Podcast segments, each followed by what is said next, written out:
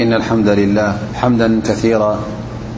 طيبا مباركا ملء السماوات والأرض حمدا يوافي نعمه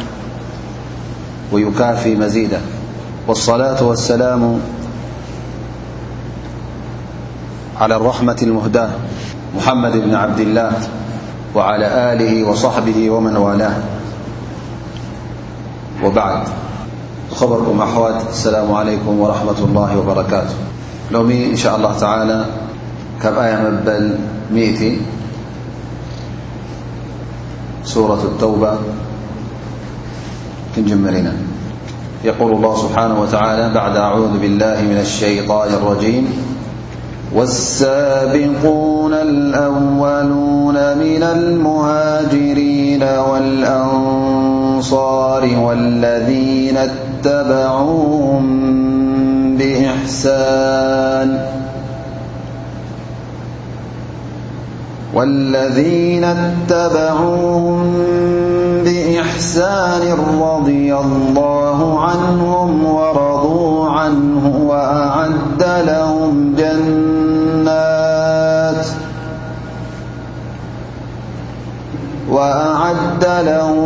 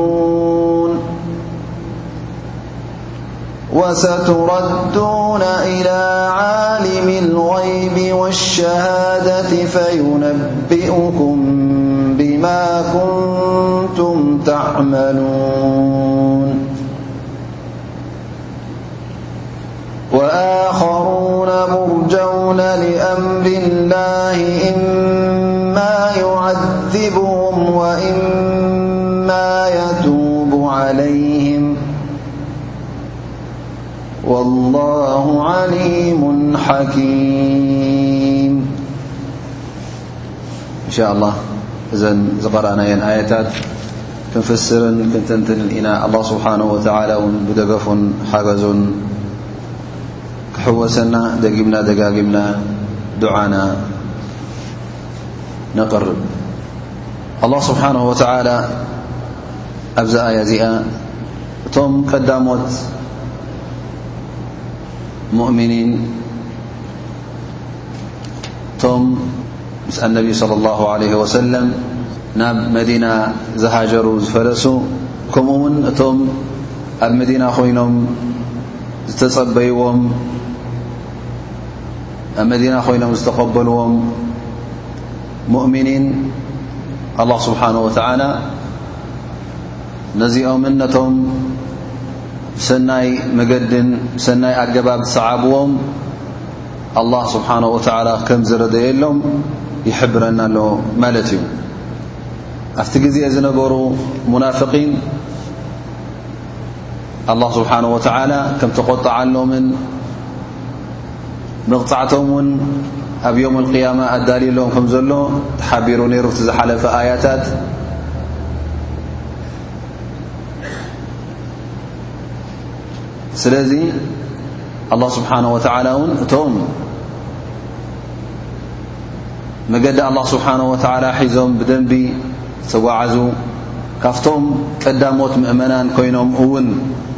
ንነቢና ሙሓመድ صለ ላሁ ዓለ ወሰለም ዝተኸተሉ ኩሉ ጭንቅን ሽግርን ኣብቲ ግዜ እቲ ዝነበረ ተሰኪሞም ምእንቲ ኣላህ ምእንቲ ዲኖም ዝቃለሱ ዝነበሩ ቀዳሞት ምእመናን ኣላ ስብሓን ወተዓላ ኣብዛ ኣያ እዚኣ ፈልዩ ይጠቕሶም ኣሎ ማለት እዩ ወሳቢቁን ኣወሉና ምና ኣልሙሃጅሪና ወልኣንሳር እቶም ተቐዳሞት ካብቶም ሙሃጅሪን ይኹኑ ካብቶም ኣንሳር እቶም ሙሃጅሪን ክንብል ከለና እቶም ኣብ መካ ዝነበሩ ምስ ነቢ ስለ ላሁ ዓለ ወሰለም ቁሬሽ ኩፋር ቁሬሽ ክሓቲ ቁሬሽ ኣጻቢቦምሎም ብሰንኮም ካብ መካ ንመዲና ዝፈለሱ እዮም ማለት እዩ ወልኣንሳር እቶም ኣብ መዲና ኮይኖም ተቐበልዎም ነቢና ምሓመድ ስለ ላሁ ዓለ ወሰለም ይኹን ነቶም ሙሃጅሪን ኣብ ዓዶም ኣብ ቤቶም ኣብ ማሎም ዘካፈልዎም እቲ ዝዓበየ ሕውነት ናይ እምነት ንዕኡ ቀዳምነት ሂቦም ተቐበሉ እዞም ኣንሳር እዚኦም ኣላ ስብሓን ወተዓላ እውን ይጠቕሶም ኣሎ ብድሕሪኦም እውን ወለذነ ተበዑሁም ብእሕሳን ልክዕ ከምዞም ሙሃጅሪን ከምዞም ኣንሳር ኮይኖም እውን ጉዕዞኦም ኣሰሮም እተኸተሉ ኣላህ ስብሓን ወተዓላ እውን ይጠቕሶም ኣሎ ማለት እዩ እዞም ሰባት እዚኦም ኣላ ስብሓን ወተዓላ ከም ዝረደየሎም ኣላ ስብሓን ወተዓላ ንሙናፍቒን ተቖጢዑሎም ነዞም ኣመንቲ ድማ ከም ዝረደየሎም እዩ ዝሕብር ዘሎ ሪዳ ኣላ ስብሓን ወተዓላ ድማ እቲ ዝዓበየ ሽሻይ ኣብ ዮም ኣልቅያማ ነቶም ሰብ ጀና ዝወሃብ ሽሻይ እዩ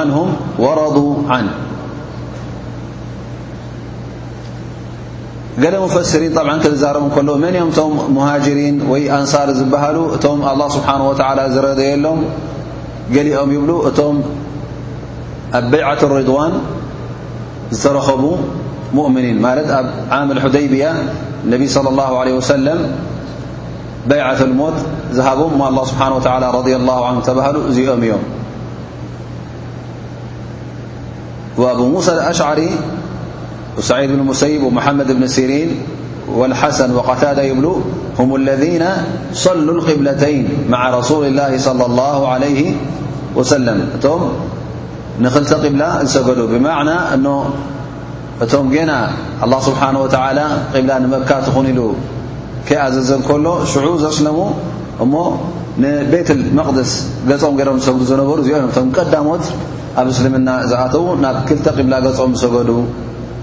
ይብሉ ማለት እዩ ላ ስብሓን ወተላ እዞም ሰባት እዚኦም ከም ዝረደየሎም ይርእየና ኣሎ ማለት እዩ ኣላ ስብሓን ወተላ ዝረደየሎም ድማ ንስኻ እንታይ ክትገብሮም ኣለካ ተርዳ ዓንሁም ኣላህ ዝረደየሉ ኣላህ ዝፈተዎ እስኻ ትፈትዎን ትረድየሉን ስለዚ እቶም ኣላህ ስብሓን ወተዓላ ዝረደየሎም ብሕማቕ ክትጠቕሶም ክትጸርፎም ክተካፍኦም ብፍጹም ኣይፍቀድን እዩ ኣላ ስብሓን ወተዓላ ኣነ ረድየሎም እየ ኣነ ፈትዎም እየ እናበለ ከሎ ንስኻ ኣንጻር ኣላ ስብሓን ወተዓላ ክኸውን ድልትካን ፍቶትካን እዚ ምስቲ ሽርዒ ዝጋጮ እዩ ስለዚ እቶም ቀዳሞት ኣብ እስልምና ዝኣተዉ እቶም ኣላ ስብሓን ወተዓላ ዝፈተሎም ኣስሓብ ረሱል ለ ላ ለ ወሰለም ካብ ብሉፅ ኣቡበከር ሰዲቕ ጀሚርካ እቶም ኹለፋ ራሽዲን ዑመር ብን ጣብ ዑማን ዓሊ እቶም ዓሽራ ሙበሸሪን እዞም ኩሎም ኣላ ስብሓን ወተላ ረድዩሎም እነቢ ስለ ላሁ ለ ወሰለም እውን ረድዮምሎም እዮም ካብዚ ዓለም ተፈልዮም ስለዚ ንሕና እውን ነዞም ሰባት እዚኦም ከምቲ ጉቦ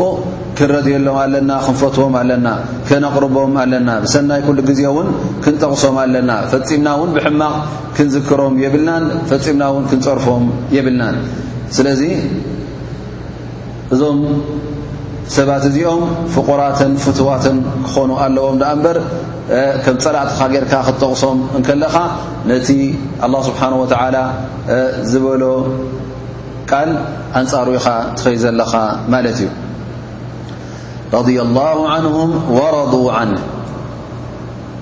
እሶም እውን እቲ ኣላ ስብሓን ወተላ ንኣላ ስብሓን ወተዓላ ተማእዚዞሞ እዮም እቲ እሱ ዘፍቀደሎም እቲ እሱ ዝበሎም እውን ብደንቢ ፈፂሞሞ እዮም ስለዚ እዞም ሰባት እዚኦም እውን ኣብ ላዕሊዋይ ደረጃ በፂሖም እዮም ንኣላ ስብሓን ወተዓላ ኩሉ ግዜ ንኸፍትዉ እዩ ድልዮቶምን ቃልሶምን ነይሩ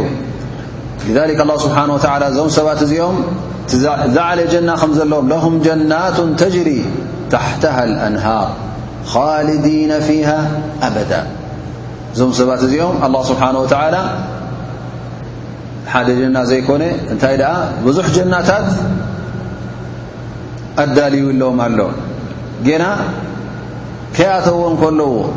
ከይሞቱ እንከለዉ ኣላህ ስብሓን ወተዓላ ነዞም ሰባት እዚኦም ጀናታት ኣዳልዩሎም ኣለዉ እዚ ጀናታት እዚ ብትሕቲኡ ብዙሕ ዓይነት ፈለጋት ወሓዚ ዝውሕዝ ጀና እዩ ኣብዚ ጀና እዚ እውን ንነዊሕ ዓመታት ወይ ከዓ ንዘለኣለም ክነብሩ እዮም ኻልዲና ፊሃ ኣበዳ ዘይቋረፅ ሽሻይ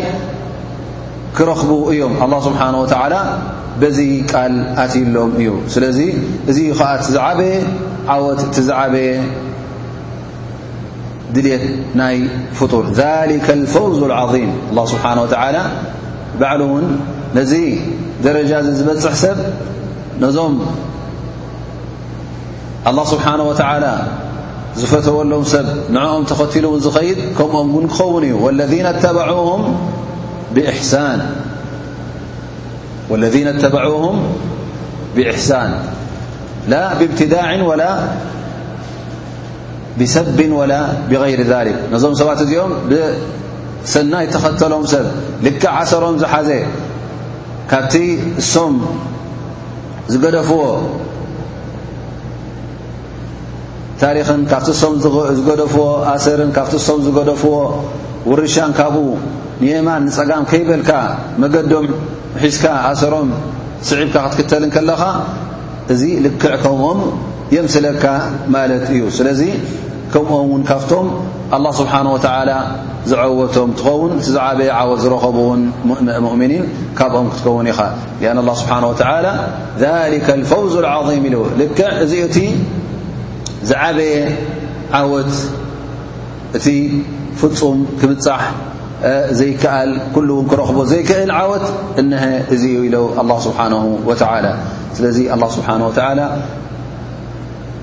ነዚኦም ከምስለና ኣሰሮም ተኸተልቲን ሰዓብትን ክገብረልና ዱዓ እናገበርና ነዚ ዓወት እዚ ብኣላ ስብሓን ወተዓላ ንክንረኽቦ ኣብዚ ዓወት እዚ ንክንጎናፀፍ ብዝከኣለና መጠን ንቃለስ ከምኡ ውን ዱዓ ክንገብር ኣድላይን ኣገዳስን ይኸውን ማለት እዩ ثመ የقል ላ ስብሓን ወተላ ወምመን ሓውለኩም ምና ኣዕራብ ሙናፍقን وممن حولكم من الأعراب منافقون ومن أهل المدينة مرضوا على النفاق لا تعلمهم نحن نعلمهم الله سبحانه وتعالى نبينا محمد - صلى الله عليه وسلم أب وسناسن مدينة نبرا انبي صلى الله عليه وسلم كتما أفتي وسناسنا እውን ገለ ካብቶም ቀቢላታት ዓረብ ኣብ ናይ ኒፋቅ መድረኽ ከም ዘሎ ኣላ ስብሓን ወተላ ይሕብር ኣሎ ማለት እዩ ወምመን ሓውለኩም ምና ኣኣዕራቢ ኣብቲ መዲና ዘይኮነ ኣብቲ ወሰናስን መዲና ዘለዉ ኣዕራብ እቶም ኣባድያ ዝቕመጡ ኣላ ስብሓን ወተላ ሙናፍቒን ከም ዘለዉ ንመን ንነቢና ሙሓመድ ለ ላሁ ዓለይህ ወሰለም ይሕብር እዚ እውን ኣይኮነን ጥራይ ኣብቲ ዘለኻዮ ከተማ እውን ኣብ ውሽጢ መዲና እውን ሙናፍቒን ኣለዉ ኣብ ውሽጢ መዲና እውን ሙናፍቒን ኣለዉ ወላ ስብሓን ወተዓላ እዞም ሰባት እዚኦም ክገልጾም እንከሎ እንታይ ይብል መረዱ ዓላ ኒፋቅ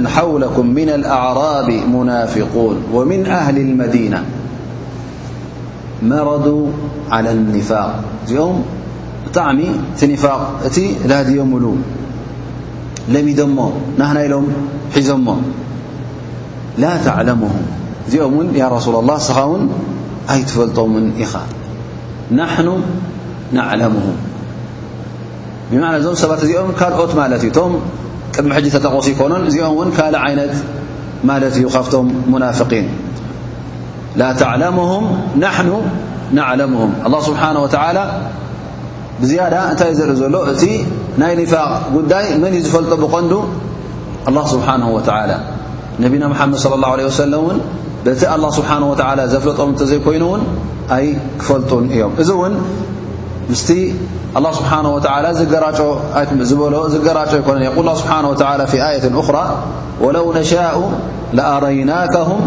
فلعرفتهم بسماهم ولتعرفنهم في لحن القول علماء إلم قالوا لأن هذا من باب التوسم فيهم بصفات يعرفون بها لا أنه يعرف جميع من عنده من أهل النفاق الله سبحانه وتعالى ب آي ي እቶም ሙናፍቒን እንተ ደኣ እንተ ንዘሊ ነርና ወይ ከኣ ድልትና ነይሩ እተዝኸውን መን መን ከም ምዃኖም መርኣኹኻ ነይረ ያ ሙሓመድ ግን እስኻ እውን ብዘራርበኦም ብኣካይደኦም ክትፈልጦም ኢኻ ኢሉ ኣላ ስብሓን ወተዓላ ሓቢርዎ ነይሩ እሞ እዚ ምዛሎ መዓልቲ ንብላ ዘለና ኣያ ላ ተዕለሙሁም ናሕኑ ናዕለሙሁም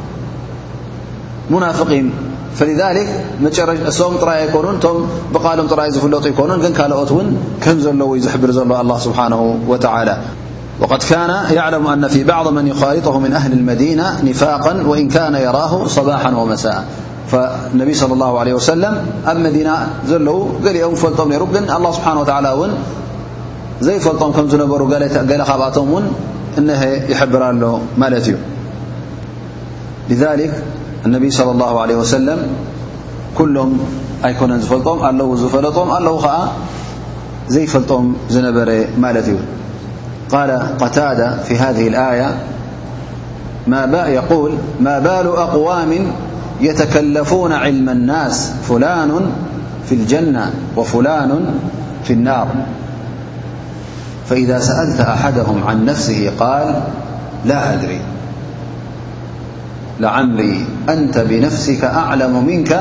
بأحوال الناس ولو تكلفت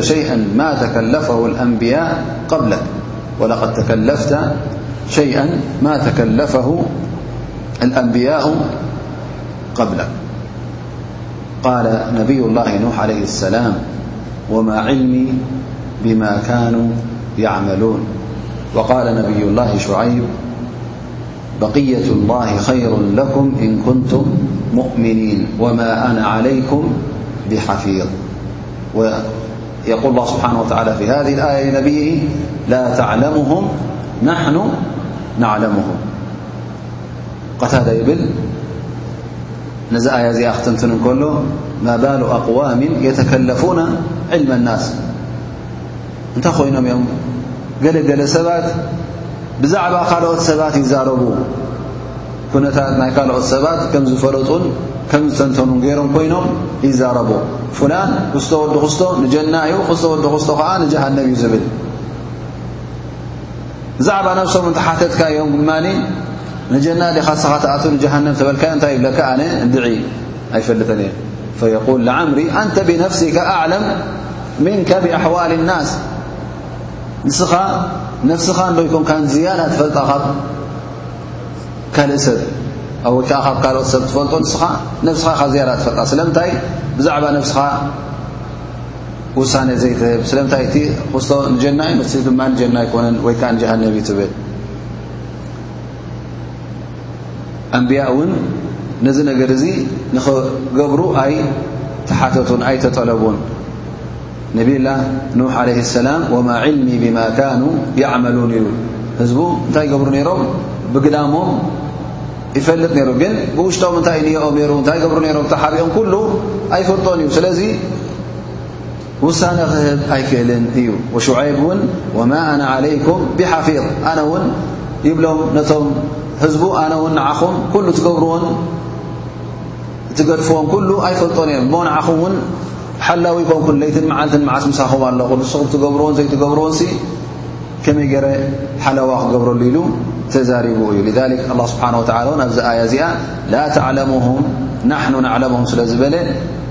እዚ እውን እንታይ እዩ ዘርእየና ማለት እዩ እቶም ኣንብያ እውን ንገዛእ ርእሶም መን እዩ ንጀና ዝኣቱ መን እዩ ጀሃንም ዝኣቱ ኣላ ስብሓን ወተዓላ እንተዘይ ኣብርህሎም ባዕሎም ብኢደ ውነንኦም ክበፅሑ ዝኽእሉ ኣይኮነን ثመ የቁል ላ ስብሓን ወተዓላ ሰኑዓذብሁም መረተይን መን እዮም ነዞም ሙናፍቒን ኣላ ስብሓን ወተዓላ እዞም ሙናፍቒን ለذና መረዱ ዓላ ኒፋቅ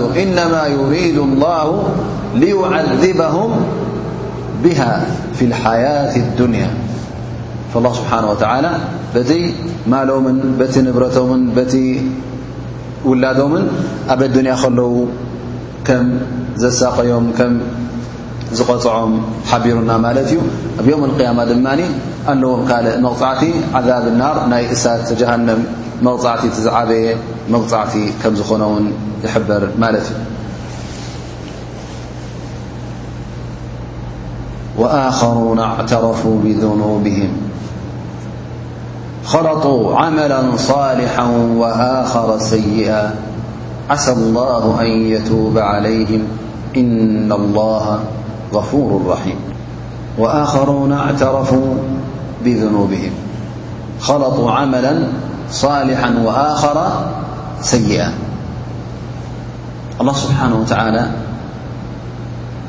እቶም ቅድሚ ሕጂ ካብቲ ትእዛዝ ኣላህ ስብሓነሁ ወተዓላ ዘድሓርሓሩ ብሕልፊ ካብ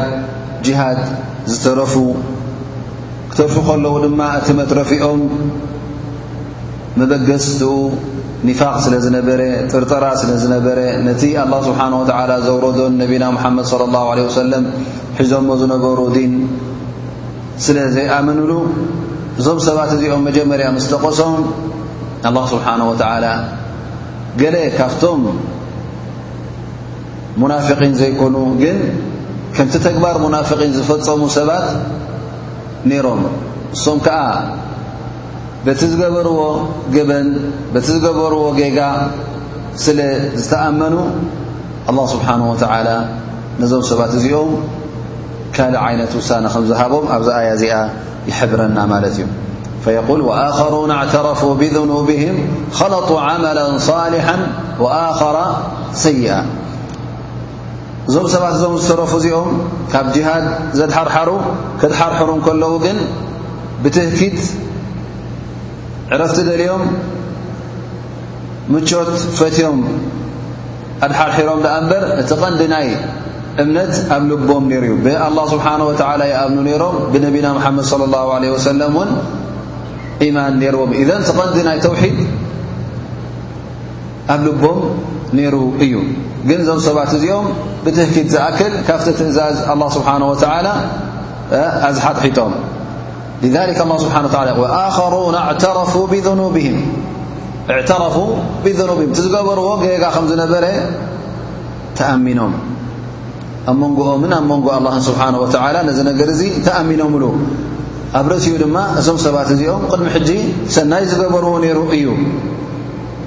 ኸለጡ ዓመላ ሳሊሓ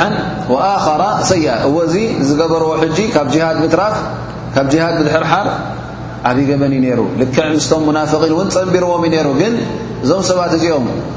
ሰናይ ተግባር ዝገበርዎ ንኼር ዘውፅዎ ማል ነይሩ ቅድሚ ሕጂ እቲ ዝገበርዎ እውን ክገብሩ ከለዉ ሰናይ ተግባር እውን ኣብ ጽኑዕ መሰረት እዩ ተተርእሱ ነይሩ ብማዕና ገና እቲ ኢማን እቲ ተውሒድ ነይሩ ሙናፍቒን ግን ወላ እውን እቲ ሰናይ ተግባር ዝገበርዎ ኣብ ጸብጻብ ኣይኣቱን እዩ ስለምንታይ መሰረት ስለ ዘይብሉ እዞም ሰባት እዚኦም ገና ኣብ ጥርጠራ እዮም ዘለዉ ገና እቲ ናይ ብሓቂ ኢማን ኣይበጽሑዎን እዞም ካልኦት ግን እዞም ነዞም ሙናፍቒን ዝገበርዎ ተግባር ዝመስል ዝገበሩ ኣለዉ። ካብኣቶም እቲ ዝገበርዎ ጌጋ ከም ምዃኑ ዝፈለጡ እሞ ዝተኣረሙ፣ ኣብ ጌጋ ከም ዝወደቑ ዝተረድኡ፣ እቲ ዝገብርዎ ዝነበሩ ሰናይ ተግባር እውን ቅድሚ ሕጂ ቅቡል እዩ ነይሩ፣ ምኽንያቱ ኣብ ኢማን ዝተተርኣሰ ስለ ዝነበረ። ኣላህ ስብሓነ ወተዓላ እዞም ሰባት እዚኦም ኣብ ትሕቲ ምሕረቱን ኣብ ትሕቲ ንሕፈቱን ከም ዘለዉ ትሕብር እዛ ኣያ እዚኣ። ጠብዓ እዛ ኣያ እዚኣ ክትወርድ እንከላ ኣብ ውሱናት ሰባት እያ ወሪዳ እዛ ኣያ እዚኣ ትወርድ እንከላ ኣብ ውሱናት ሰባት እያ ወሪዳ ግን ብሓፈሽኡ እውን ጥራይ ናብዓቶም ኣይኮነትን ናብ ኩሉ እውን ንኹሉ ሰብ ትዕብልል እያ ምኽንያቱ ኣብ ጌጋ ዘይወድቕ የለን ዝኾነ ይኹን ሙእምን እውን ይጋገ እዩ ኣብ ዘንቢ እውን ይወድቕ እዩ ስለዚ ኣላ ስብሓን ወተዓላ እንተ ደኣ መቕፊራ ሓቲትካ ቶባ ሓቲትካ እውን እዚ ቶባ ምሕታትካ እዚ መቕፊራኻ እንተ ኣብ ጌጋ ከም ዝወደቕካ ተኣሚንካ ኣላ ስብሓን ወተዓላ ባብ ተውባ ነዞም ሰባት እዚኦም ጥራይ ኣይኮነን ከፊትዎ ንመን ደኣ ንዅሉ ክፉት እዩ ላኪን እዛ ኣያ እዚኣ ብቐንዲ ክትወርድ እንከላ ቀንዲ መውረዲኣ ይብሉ እዛ ኣያ እዚኣ ኣብ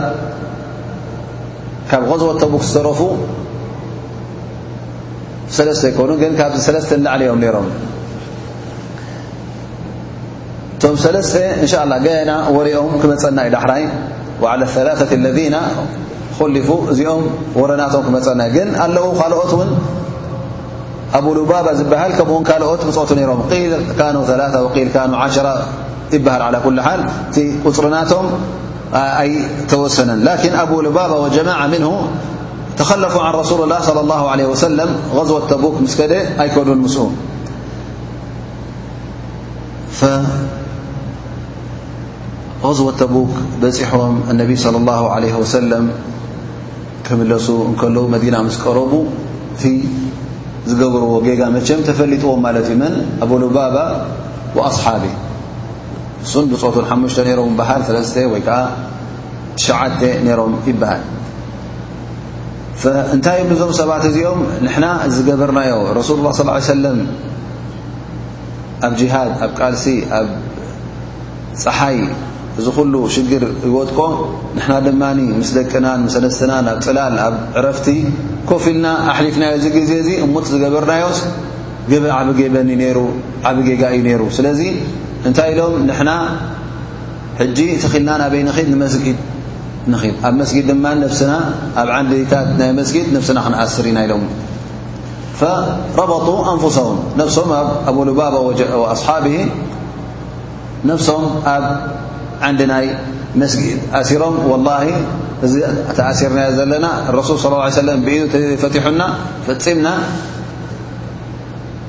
ነፍስና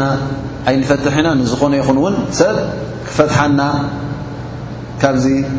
ተኣሲርናዮ ዘለና ዓንዲ ኣይነፍቅድና ኢሎም ነብሶም ኣሲሮም ማለት እዩ ነቢ صለ ላ ለ ወሰለም ክኣት ከለዉ ንገዝኦም ክሓልፉ ከለዉ ጠ ብመስጊድ እዮም ዝሓልፉ ነይሮም ማለት እዩ መስጊድ ዝሓለፉ ነዞም ሰባት እዚኦም ሩ እንተ ኮይኖም ዳኣሎም ነብሶም ኣሲሮም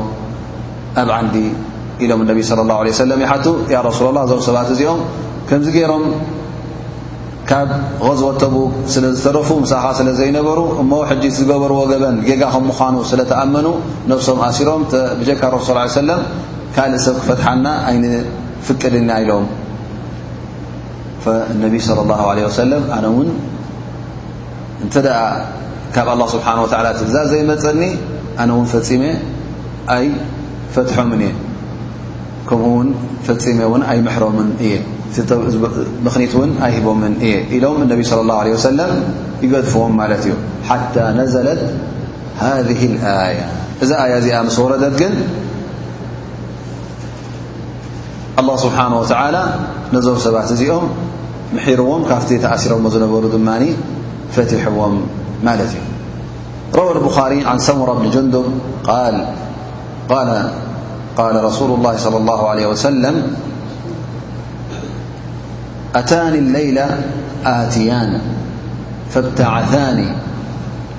فانتهيا بي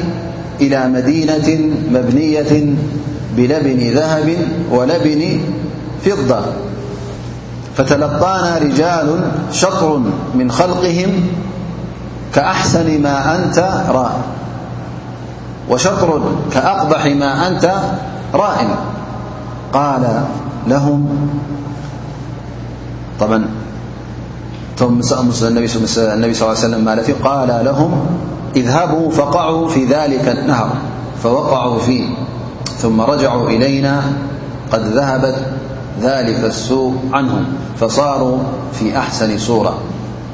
قال هذه جنة عد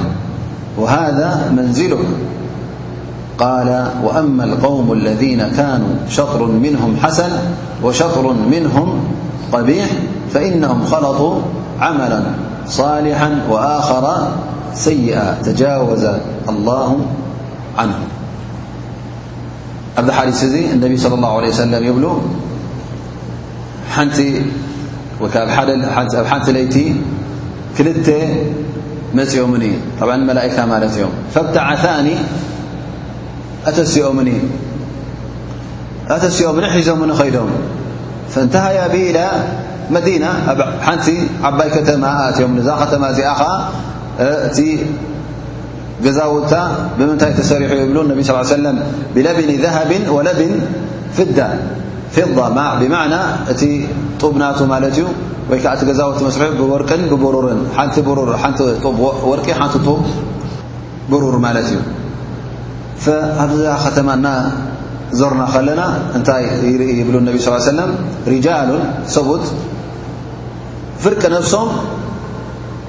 ጽቡቕ መልክዕ ዘለዎ እቲ ፍርቂ ነፍሶም ግን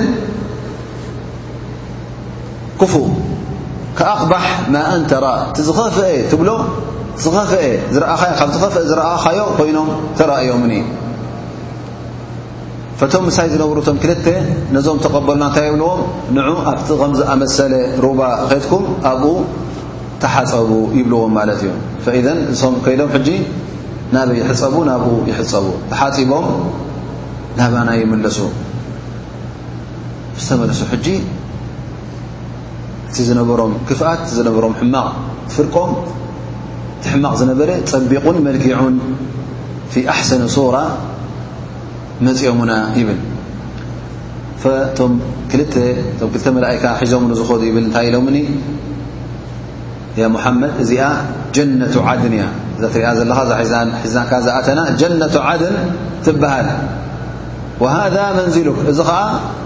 እቲ ቦታ ናካ እዩ ይብሉኒ እቶም ዝረኣኻዮም ከዓ ፍርቂ ነብሶም ፅቡቕ ፍርቂ ነብሶም ክፉእ ኮይኑ ዝረኣኻዮም ድማ እዞም ሰባት እዚኦም እቶም ሰናይን እከይን ተግባራት ዝሓዋወሱ ማለት ሙእምኒን እዮም ነይሮም ግን ገለ ካብቲ ኣላ ስብሓን ወተዓላ ዝኣዘዞም ኣጉዲሎም ካብቲ ኣላ ስብሓን ወተዓላ ተኸልከሉ ዝበሎም እውን ንዕኡ ኣይተኸልከሉን እንታይ ደኣ ገለገለ ገበናት ካብቶም ሓረማት ዝፈፀሙ እዮም ግን ኣላ ስብሓን ወተዓላ እዞም ሰባት እዚኦም በቲ ዘንቦም ስለ ተኣማመኑ እቲ ዘንቢ ከም ዝገበርዎ ስለ ዘተኣመኑ እዞም ሰባት እዚኦም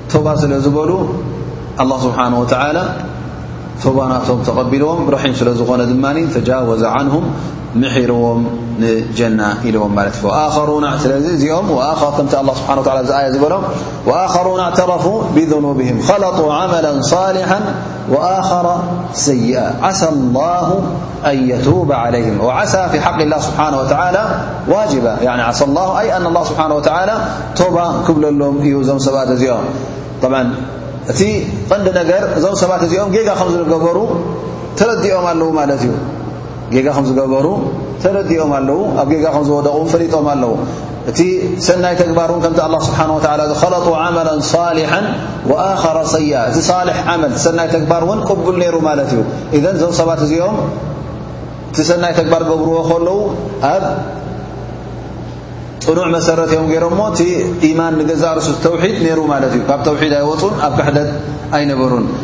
እዞም ሰባት እዚኦም ኣላ ስብሓን ወተዓላ ክምሕሮም እዩ ቶባ ስለ ዝበሉ ብዘንቦም በቲ ዝገበርዎ ገበን ስለ ተኣመኑ ኣላ ስብሓን ወተዓላ ክምሕሮም እዩ እና ላሃ غፉሩን ራሒም ኣላ ስብሓን ወተዓላ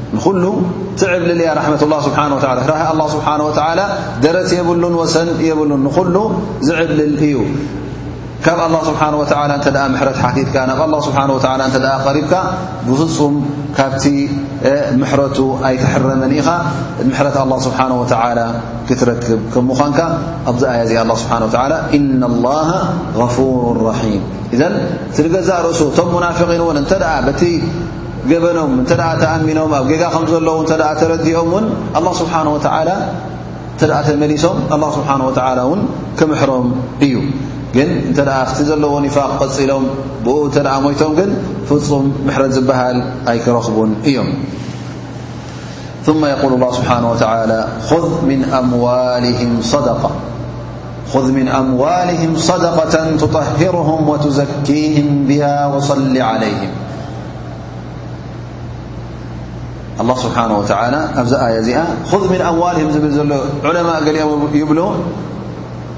ካብዞም ኣብዛ ዝሓለፈት ኣያ ዝተጠቐሱ መን እዮም እቶም ተጋጊና ኢሎም ቶባ ኢሎም ዝመፁ ከም በዓል ኣእቲ ኣብሉባባን ጀማዓቱን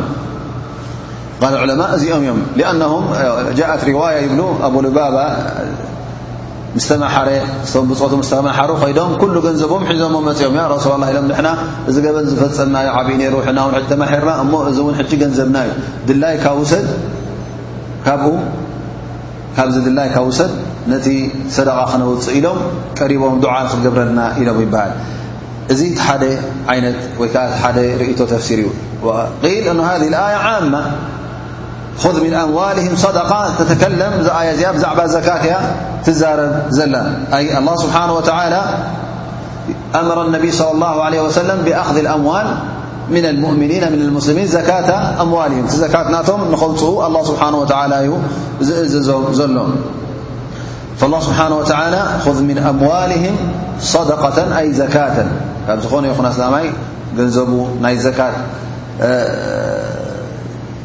እኹል ንዘካት ንኸውጽኣሉ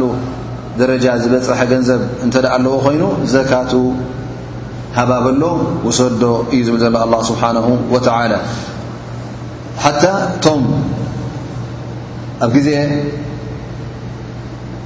ኣቡበክር ስዲቅ ዘካት ኣይንኸፍና ዝበሉ በዛ ኣያ እዚኣ ከም መርትዖ ኣቕሪቦማ ማለት እዩ እንታይ ኢሎ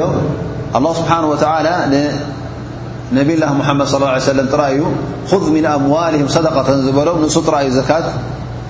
ክወስድ ተኣዚዙ ነይሩ እሞ ስለዚ ንሕና ሕጂ ንኣብበከር ኣይንኸፍሎና ኣይንቦና ዘካትና ኢሎም ዝኣበዩ ስለዚ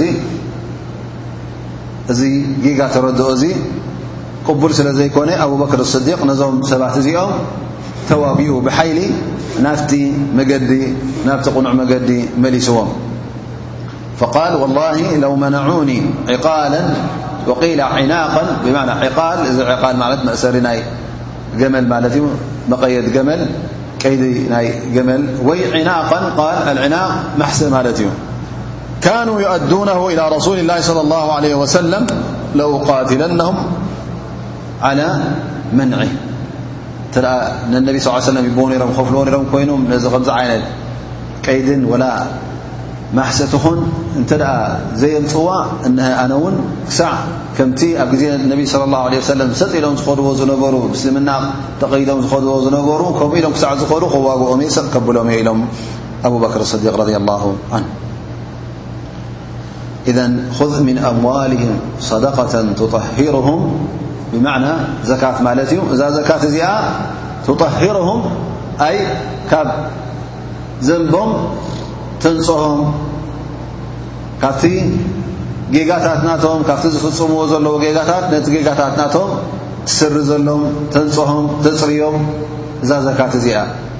ከምኡውን ነቲ ማል እውን የጽርዮ ማለት እዩ ወቱዘኪህም ከምኡ ውን እዚ ዝኸፍልዎ ዘለዉ ሰደቃ ውን ዩዘኪህም ብሃ ኣይ ብማዕና ዩነሚህም ኩሉ ግዜ ኣብቲ ሰናይ ተግባር ከም ዝኸዱን ንመገዲ ሓቂ ከም ዝደልዩን ትገብሮም ማለት እዩ ኹذ ምን ኣምዋልህም صደቀة ትطሂርም ወትዘኪህም ብሃ በይነይቲ በቲ ክፍሊት ናይ ዘካት ማለት እዩ ክፍሊት ዘካት ንገዛእ ርእሱ ንዕኦም ጠቓሚ እዩ ንዕኦም የንጽሆም ካብቲ ገበናት ናቶም ካብቲ ሕማቕ ተግባራቶም ካብቲ ዘንብታቶም እዚ ዘውፅዎ ዘለዉ ገንዘብ እዚ ዝኸፍልዎ ዘለዉ ዘካት የንጽሆም እዩ ኣብ ርእሲኡ እውን ዩዘኪህም ናብቲ ሰናይ መገዲ እውን ይወስዶም የልዕሎም ካብቲ ዘለዎ ت شر بر شر لأعل يوم وتزكيهم بها وصل عليهم أي استغفر لهم ادع لهم دع جبرلم كما في مسلم في صحي عن عبدلله بن بي قال كان النبي صلى الله عليه وسلم - إذا أتي بصدقة قوم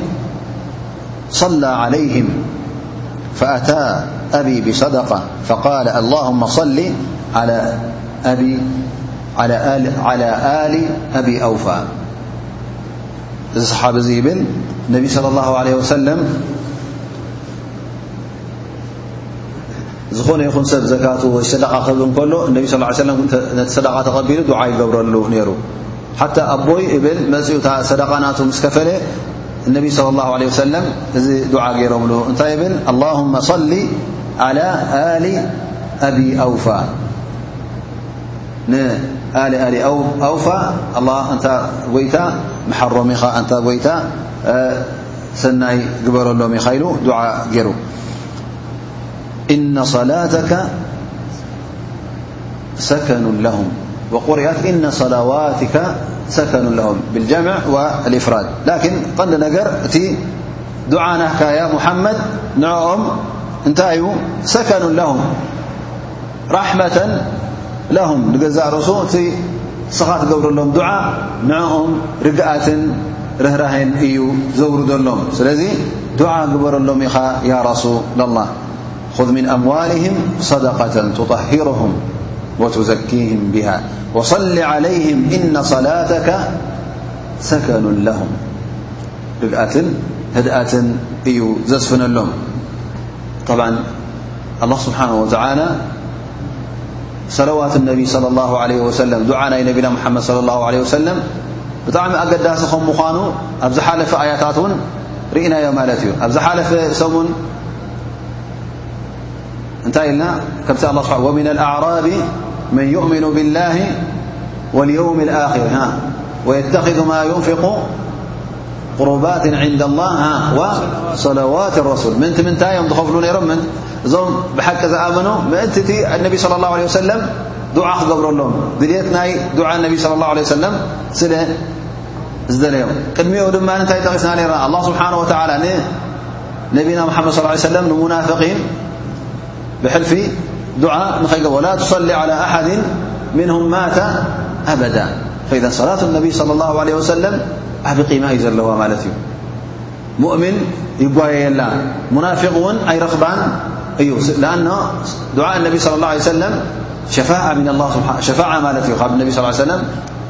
ዱዓ ክገብረልካ ከሎ ዱዓ ነቢ صለ ላه ለ ሰለም ቀሊል ኣይኮነን ፈከኣነ ነቢ ለ ላه ሰለም ኣብ ቅድሚ ኣላ ስብሓን ወተላ ይሽፍዓልካ ኣሎ ማለት እዩ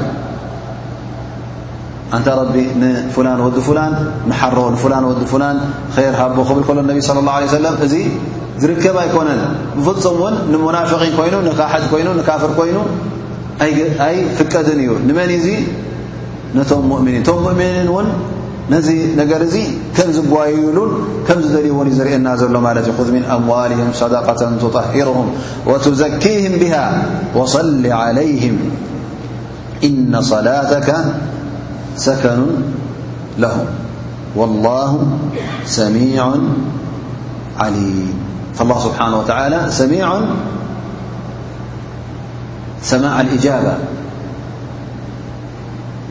دعا ندع ندعا كل النب صلى اله هالله سبحانه وتعالى سماعي ي سمعو حريل يقبله فسميع لدعائك عليم من يستحق ذلك منك الله سبانه وتعلى እت دع من كم مኑ من ግእ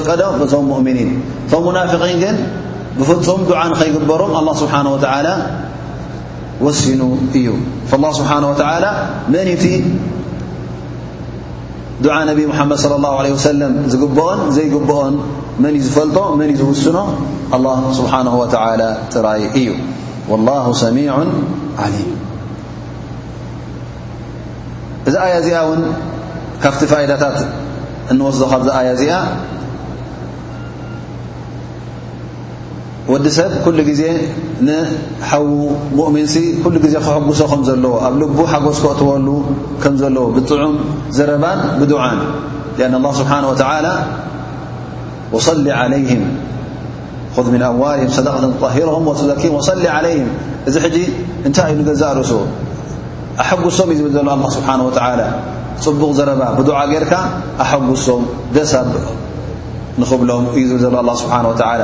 ከምኡ ውን እንተ ደኣ ሓደ ሰብ ኣንፈቕ ፊ ሰቢል ላህ ሊላ ኢሉ ገንዘብ እንተ ደኣ ኣውፅኡ ሰናይ ተግባር ዓመል ሳልሕ እንተ ደኣ ገይሩ ዱዓ ክንገብረሉ ከም ዘለና ክንውድሶ ከም ዘለና እዩ ዘርእየና ዘሎ እተ ሓደ ሰብ ፅቡቕ ገይሩ ክትሽጅዖ ኣለካ ማለት እዩ ብድዓ ዱዓ እናገበርካ ፅቡቕ ገርካ ባረከ ላ ፊክ ኢልካ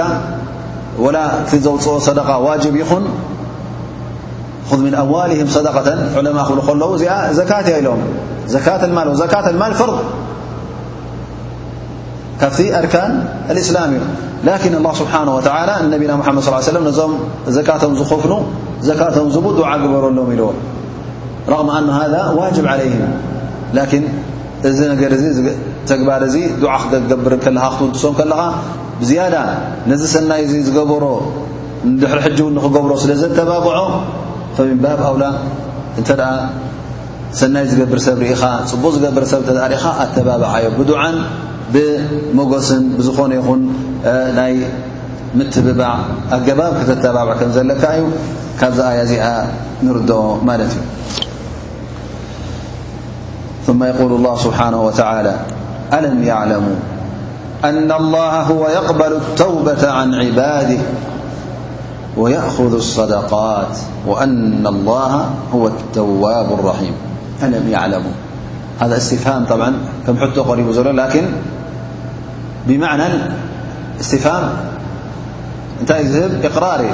بمعنى فليعلموا فلطلهم جديتا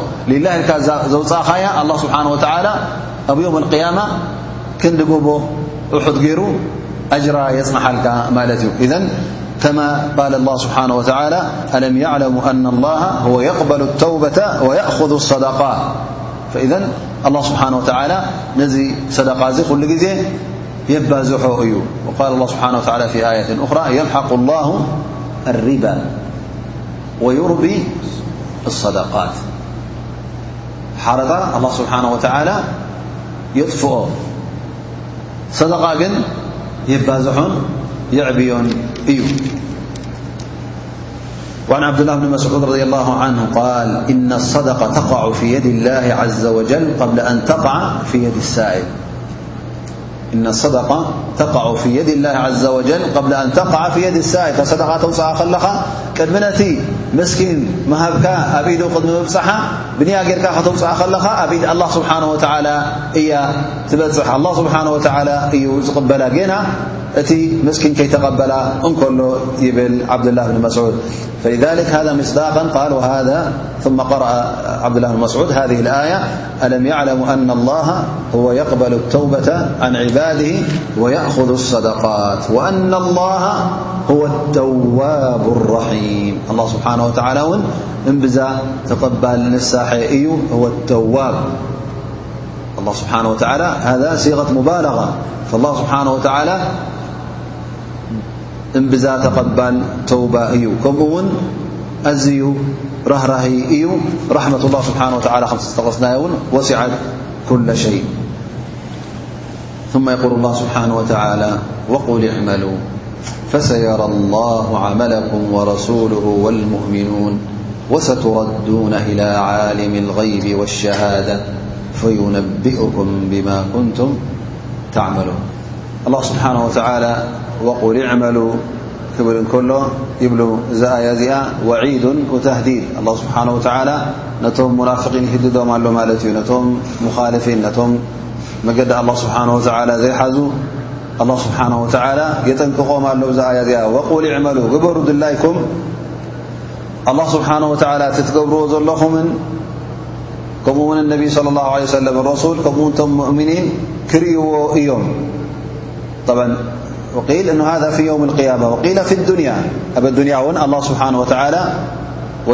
الله سبحانه وتعالى أعمالهم للناس في الدنيا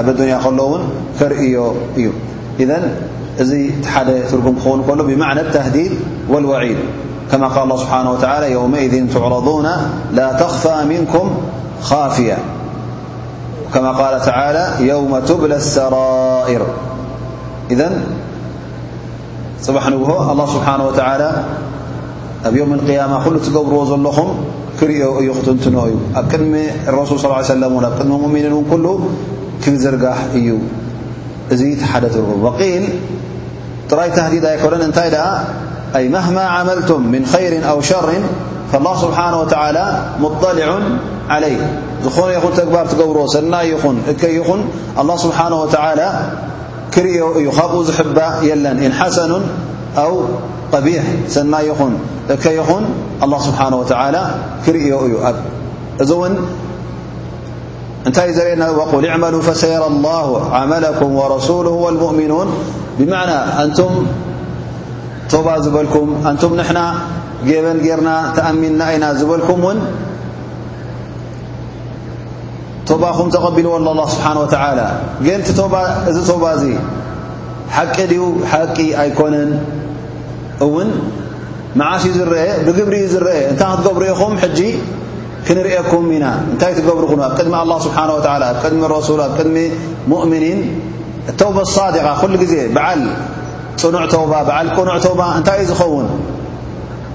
ኣነ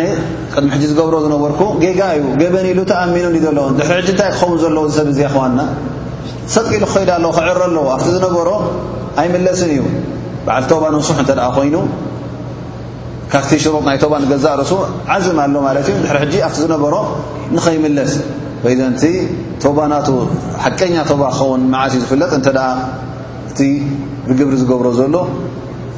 ከምቲ ናይ ቅድም ዘይኮነ እንታይ እንተ ተዓርዩ ማለት እዩ ወሰትረዱና ኢላ ዓሊም غይቢ ወሸሃዳ ፅባሕ ንጎ ድማ ናብቲ ጎይታኹም ክትምለሱ ኢኹም እቲ ፍፁም ዘይሕብኦ ወላ ውን ተተሓቢእኩም ትገብርዎ ዝነበርኩም ኣላ ስብሓን ወተላ ይፈልጦ እዩ ካብኡ ዝሕባእ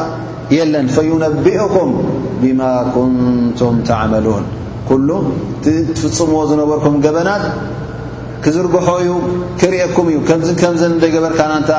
ኣብዚ መዓልቲ እዚ ኣብዚ ሰዓት እዚ እዝን እዝን ገበን እንደ ይፈጸምካን ኢሉ ኣላ ስብሓን ወተዓላ ተንቲኑ በብሓደ ኩሉ ገበናትኩም ዘርጊሑ ክርእየኩም እዩ ሽዑ ኸዓ በዚ መሰረት እዚ ኣላ ስብሓን ወተዓላ ውሳነ ክህበኩም እዩ በዓል ር ሰናይ ተግባር ትገብር እንተ ደኣ ኮይንካ ነርካ ንጀና ክትከውን ኢኻ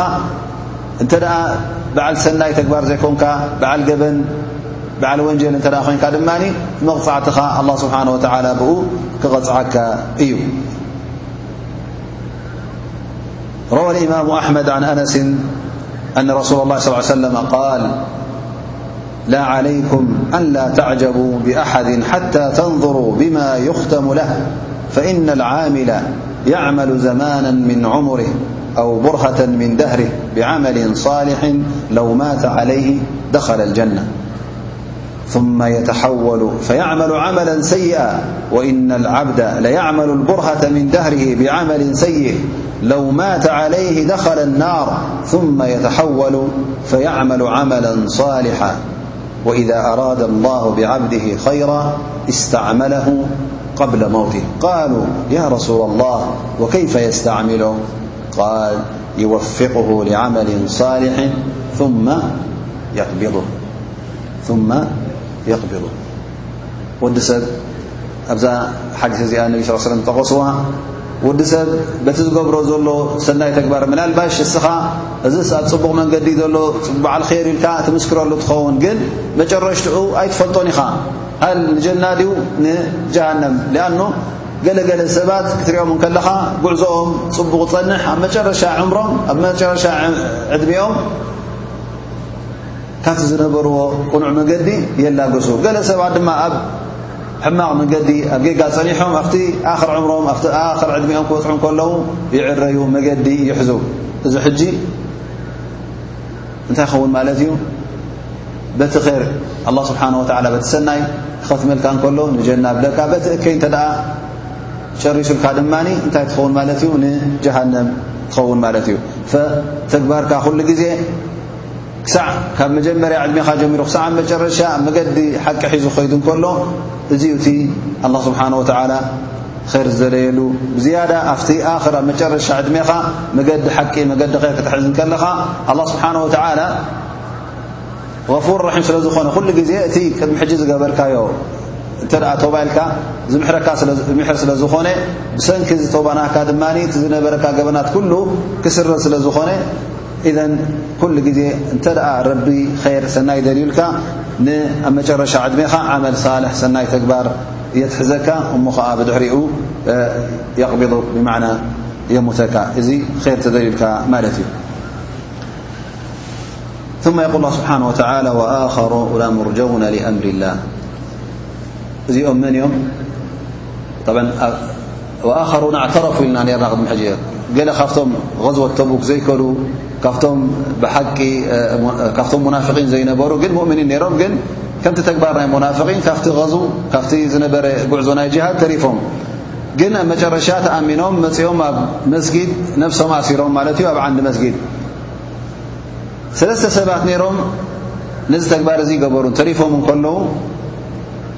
ሰለስተ ሰባት ነይሮም ሓደ ካብኣቶም ኣ ከዓ ሰለስተ ሓደ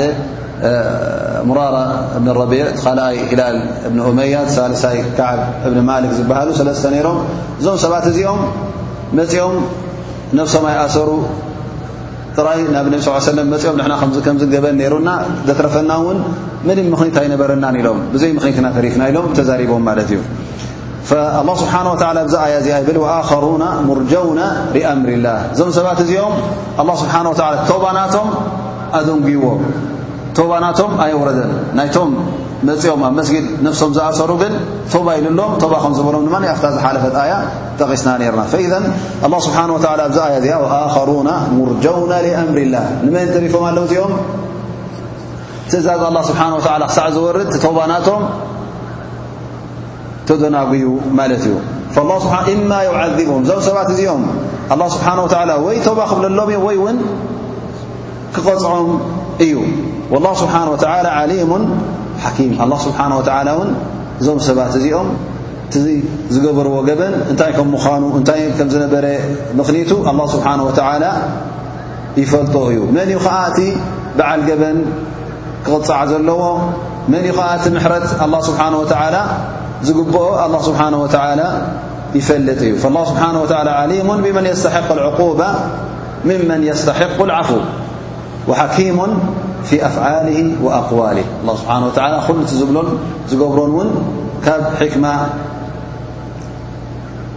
ካብ ጥበብ ተበገሰ እዩ ሱቂልካ ኣይኮነን እንታይ ደኣ ብጥበብን ብፍልጠትን እዩ ኣላ ስብሓን ወተላ ዝውስን ፈኢዘን እዞም ሰባት እዚኦም ጌና ኣብ ትሕቲ ራሕመት ላ ስብሓን ወተላ ኣብ ትሕቲ ትእዛዝ ኣላ ስብሓን ወተላ እዮም ዘለዉ ፈሊዛሊክ ነቢ ስለ ላሁ ለ ወሰለም ናይዞም ሰለስተ ሰባት ምኽኒት ኣይተቐበሎን ናይዞም ሰለስተ ሰባት ምኽኒት ኣይተቐበሎን ክሳዕ መዓስ ክሳዕ ካብ ኣላ ስብሓን ወተላ ትእዛዝ ዝወርድ ወኣኸሩና ሙርጀውና እቲ ጉዳይ ናቶም ተደንጉዩ እርጃ ማለት ምድንጓይ ማለት እዩ እቲ ፍርዶም ንቆፀራይ ተዋህቦም ኣብቲ ቀዳማይ ውሳነ ተዋህበ ነቶም ኣቡሉባባ ምስቶም ጀማዕት ተዋህቦም ካብኡ ተሪፉ ማለት እኦም ውሳነ ተዋሂብዎም ቶባ ኢሉሎም ኣላ ስብሓን ወላ ነዞም ሰለስተ ግን